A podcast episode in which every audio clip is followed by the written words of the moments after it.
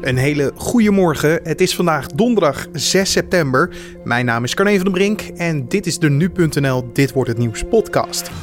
In deze uitzending gaan we praten over twee Russen die worden verdacht van de vergiftiging van voormalig dubbelspion Sergei Skripal en zijn dochter Julia.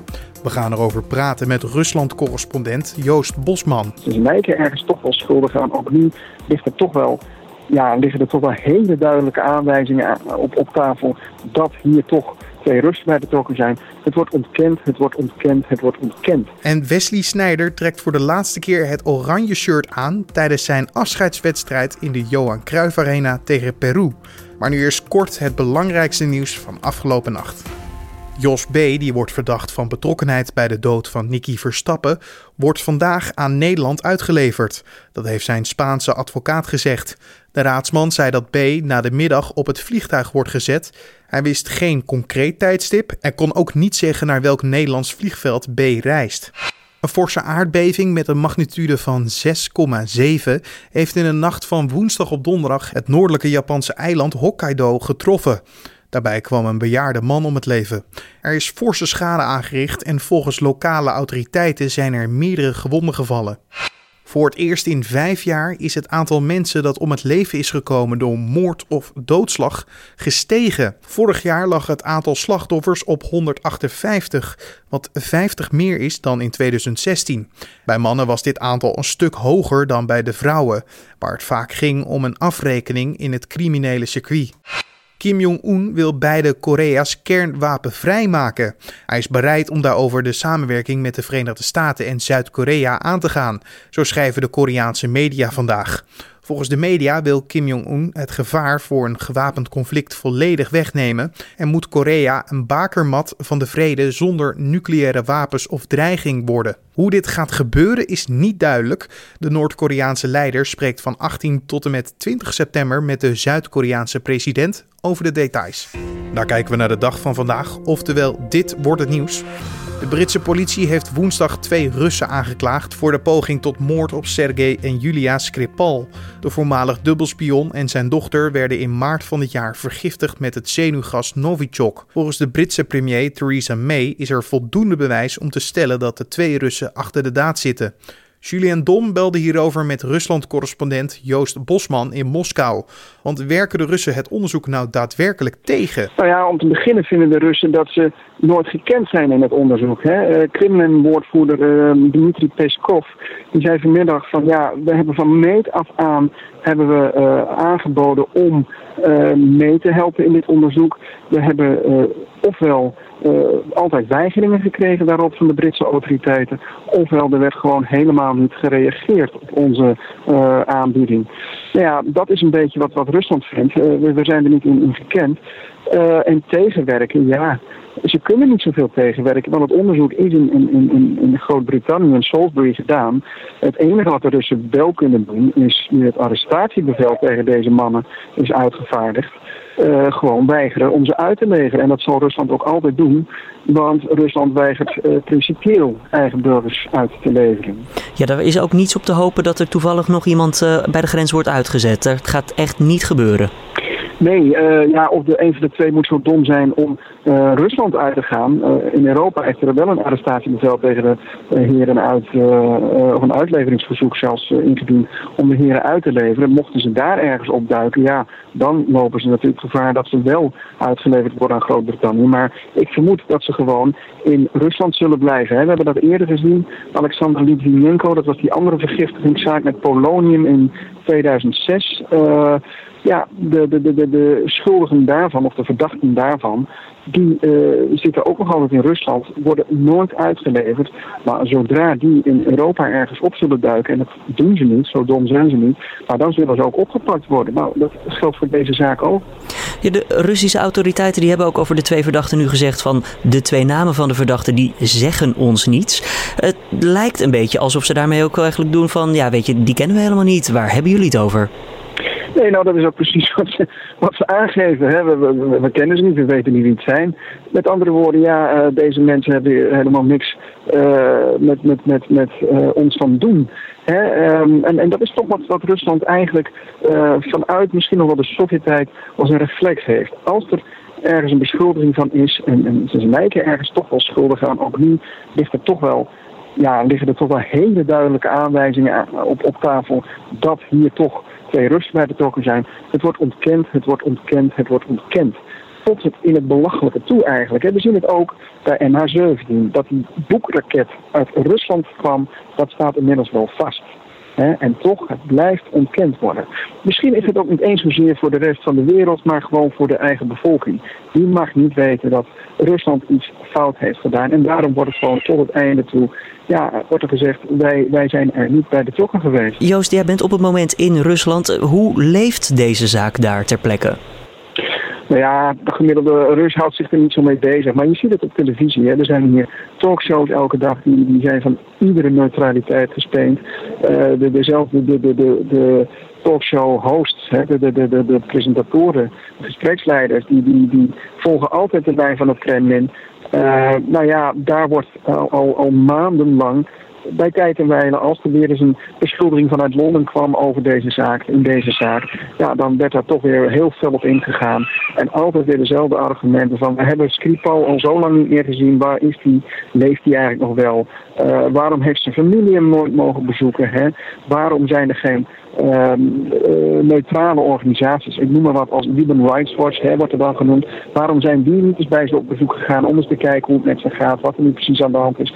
Als jullie dan zo bang voor ons zijn, zeggen de Russen, doe dat dan. Hè? Uh, een van de oudste, uh, ja, meest originele bewijzen was aanvankelijk, toen het net gebeurd was, van ja, maar het is drie weken voor de presidentsverkiezingen. Hier heeft Poetin, hier heeft het Kremlin absoluut geen belang bij om dit te doen. En dat is zelfs iets wat bijvoorbeeld de weduwe van Alexander Litvinenko heeft gezegd destijds. Het is niet logisch. Ja. Nou ja, daar hebben ze dan misschien ook wel een punt.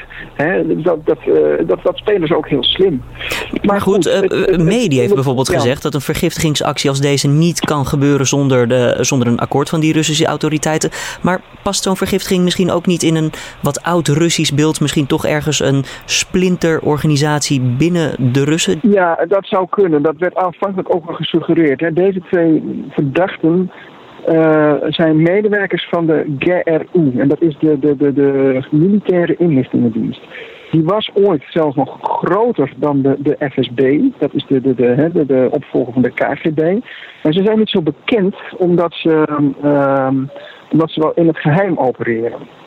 Nou, deze, al die veiligheidsdiensten binnen Rusland vechten onderling ook allemaal machtsstrijden uit. Uh, ja, misschien dat het uh, een van die clubs, uh, deze dan met name, op een gegeven moment een, bepaald gremium van deze, van deze organisatie in het hoofd is geslagen van we moeten dit doen.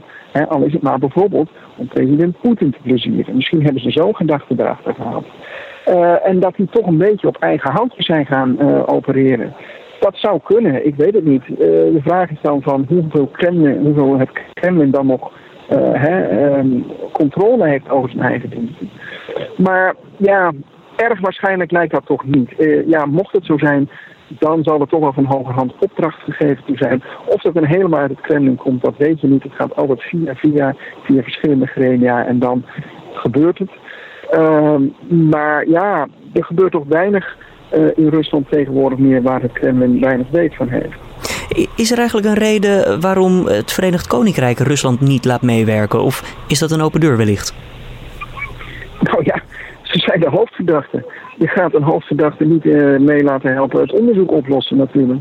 He, uh, Engeland heeft van meet af aan toch wel, uh, Groot-Brittannië heeft van meet af aan toch wel heel sterke aanwijzingen gehad. Waarschijnlijk dat uh, dat Rusland of dat er Russen achter zaten, dan ga je niet zeggen van uh, nou kom maar helpen. Want dat is in de zaak Litvinenko ook gebeurd.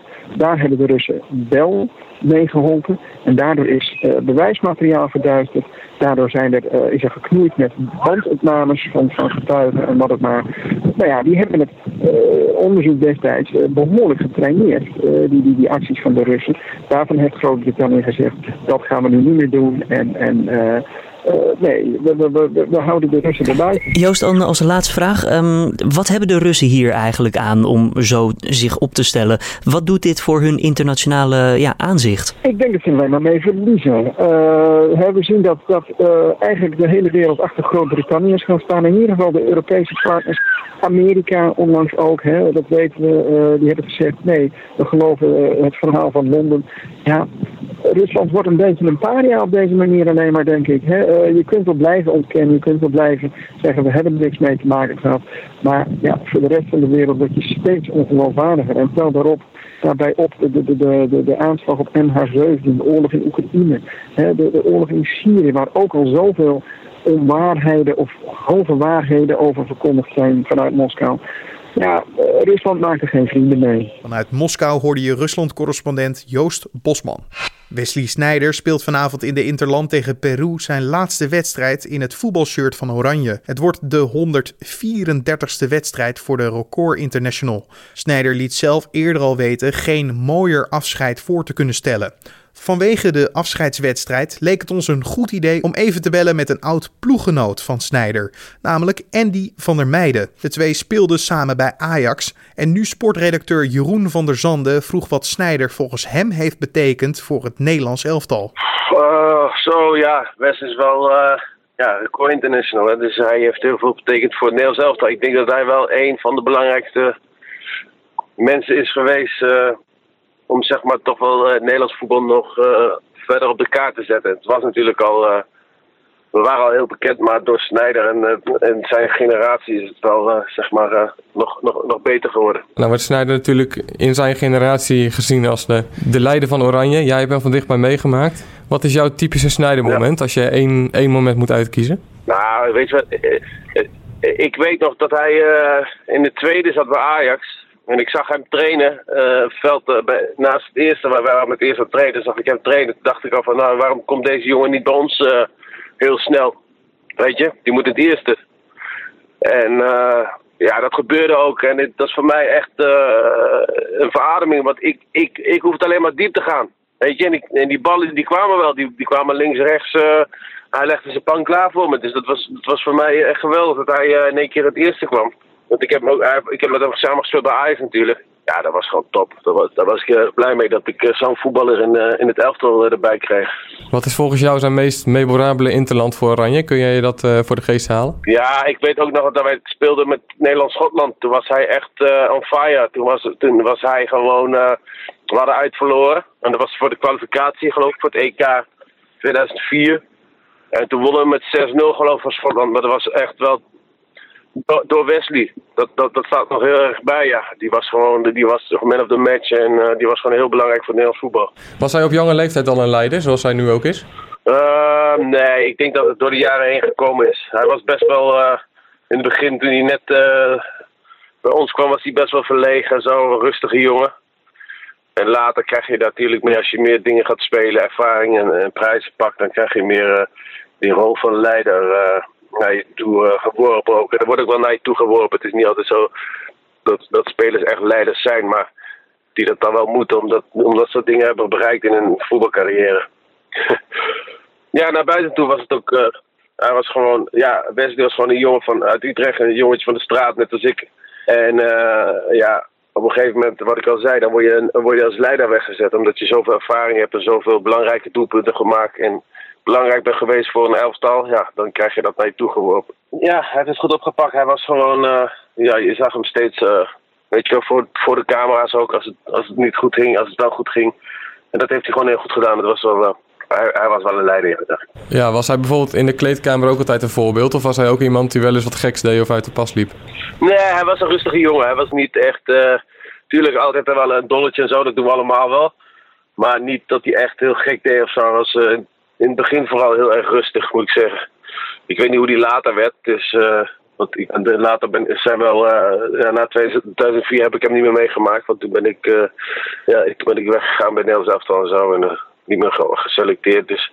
Maar hij, als ik hem zo zag op televisie en zo, ja, dan zag ik wel echt die drang die hij altijd had om te presteren en zo. Weet je. En echt zo'n winnaarsmentaliteit, dat had hij zeker. Nou zijn we in Nederland vaak dol op het maken van uh, lijstjes met spelers. Hè? Als wij grote spelers in het verleden noemen, komen we uit bij Cruijff, Gullit, Van Basten, noem maar op. waar scha jij Snijder? In welk rijtje? Uh, ja, zeker wel ook in, uh, in die categorie, denk ik wel. Daar moet je hem wel inzetten. Daar hoort hij wel tussen, ja. 100%. Dus wat ik al zei, hij is heel belangrijk geweest voor het Nederlands voetbal. En een, een, een Nederlands elftal zonder Snijder was toch wel een mindere ploeg, denk ik. En als we kijken naar de huidige generatie, zie jij een opvolger van Snijder lopen bij het huidige Oranje? Ah, er komen altijd weer leiders op. En dat, leiders staan altijd op in Nederlands voetbal ook. Er, komen altijd, er zijn altijd wel weer vervangers, weet je. Daar hoeven we ons eigenlijk niet zo druk op te maken. Er zijn altijd goede talenten en zo. Ja, je, je, je ziet nu uh, bij Ajax en bij het Nederlands elftal de licht. Hè. Die zie ik echt als een, als een opvolger van... Die zie ik ook als aanvoerder van het Nederlands elftal. Die, die jongen wordt gewoon de leider van het, uh, van het Nederlands voetbal. Let maar op. Maar in ieder geval de afscheidsinterland van Snijder is uh, dik verdiend als ik jou zo hoor. 100 procent, 100 procent. Geen twijfel aan mogelijk. Als ze dat niet hadden gedaan, dan had ik Nederland nooit meer gesupport. Ja, het is toch hoor toch, jongen. Die jongen heeft alles gegeven altijd voor Nederland zelf. En uh, hij is niet voor niks uh, record international, toch? Nu sportredacteur Jeroen van der Zanden hoorde je in gesprek met Andy van der Meijden. In Den Haag gaan vandaag mensen de straat op om te demonstreren tegen de uitzetting van de in Nederland opgegroeide Armeense kinderen Lily en Hovik. De twee dreigen zaterdag uitgezet te worden naar Armenië, maar willen in Nederland blijven. De advocaten van Willem Holleder gaan vandaag bepleiten waarom de voorlopige hechtenis van hun cliënt in het dossier Willem Enstra moet worden opgeheven. De zakenman werd op 17 mei 2004 doodgeschoten en volgens het Openbaar Ministerie in opdracht van Holleder. De verdediging doet het verzoek vooral uit tactisch oogpunt. Op deze manier krijgen ze ruim de tijd om andere scenario's dan dat Holleder de dader is voor het voetlicht te brengen. Het OM zal volgende week op het verzoek reageren. Nou kijken we waar onze collega's vandaag over schrijven. Onze relaties worden intensiever door het gebruik van social media.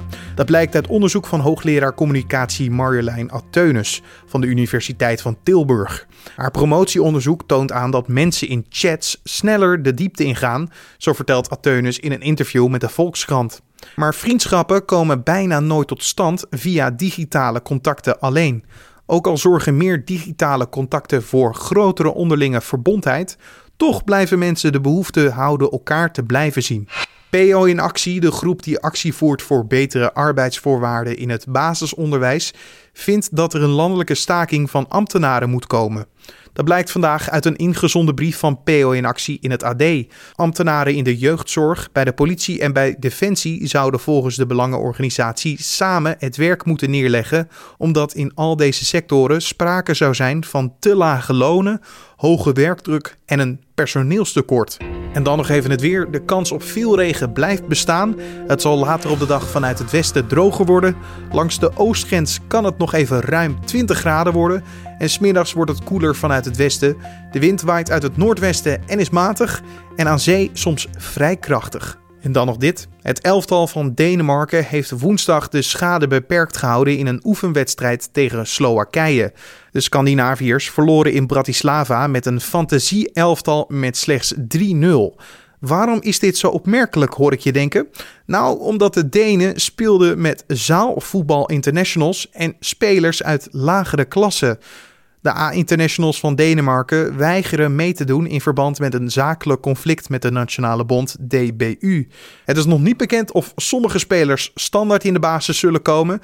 Zelf acht ik de kans vrij klein. En dit was dan de Dit wordt het nieuws podcast voor deze donderdag 6 september. Je vindt deze podcast natuurlijk elke maandag tot en met vrijdag om 6 uur ochtends op de voorpagina van nu.nl en via desbetreffende podcast app. Je kan ons natuurlijk altijd laten weten wat je van deze podcast vindt. Dat kan via redactie.nu.nl of natuurlijk via een recensie op iTunes. Mijn naam is Carne de Brink en voor nu een fijne donderdag en tot morgen.